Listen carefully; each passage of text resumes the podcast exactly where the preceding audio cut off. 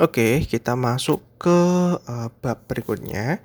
Ya, setelah kita mengetahui cara bagaimana mengkompilasi secara otomatis ya dalam perubahan file CSS ataupun JavaScript kita. Di bab ini kita akan melihat bagaimana cara bekerja dengan style sheet ya.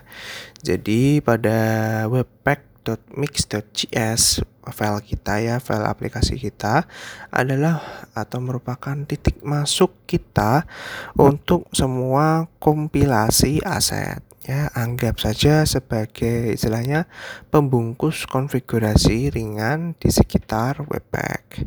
Jadi tugas campuran dapat dirangkai bersama untuk uh, ditentukan atau menentukan dengan tepat bagaimana suatu aset kita harus dikompilasi ya. Jadi webpack itu istilahnya uh, suatu perintah ya perintah ya kumpulan perintah untuk nantinya dapat kita jalankan uh, semua file CSS atau JavaScript di dalam sistem kita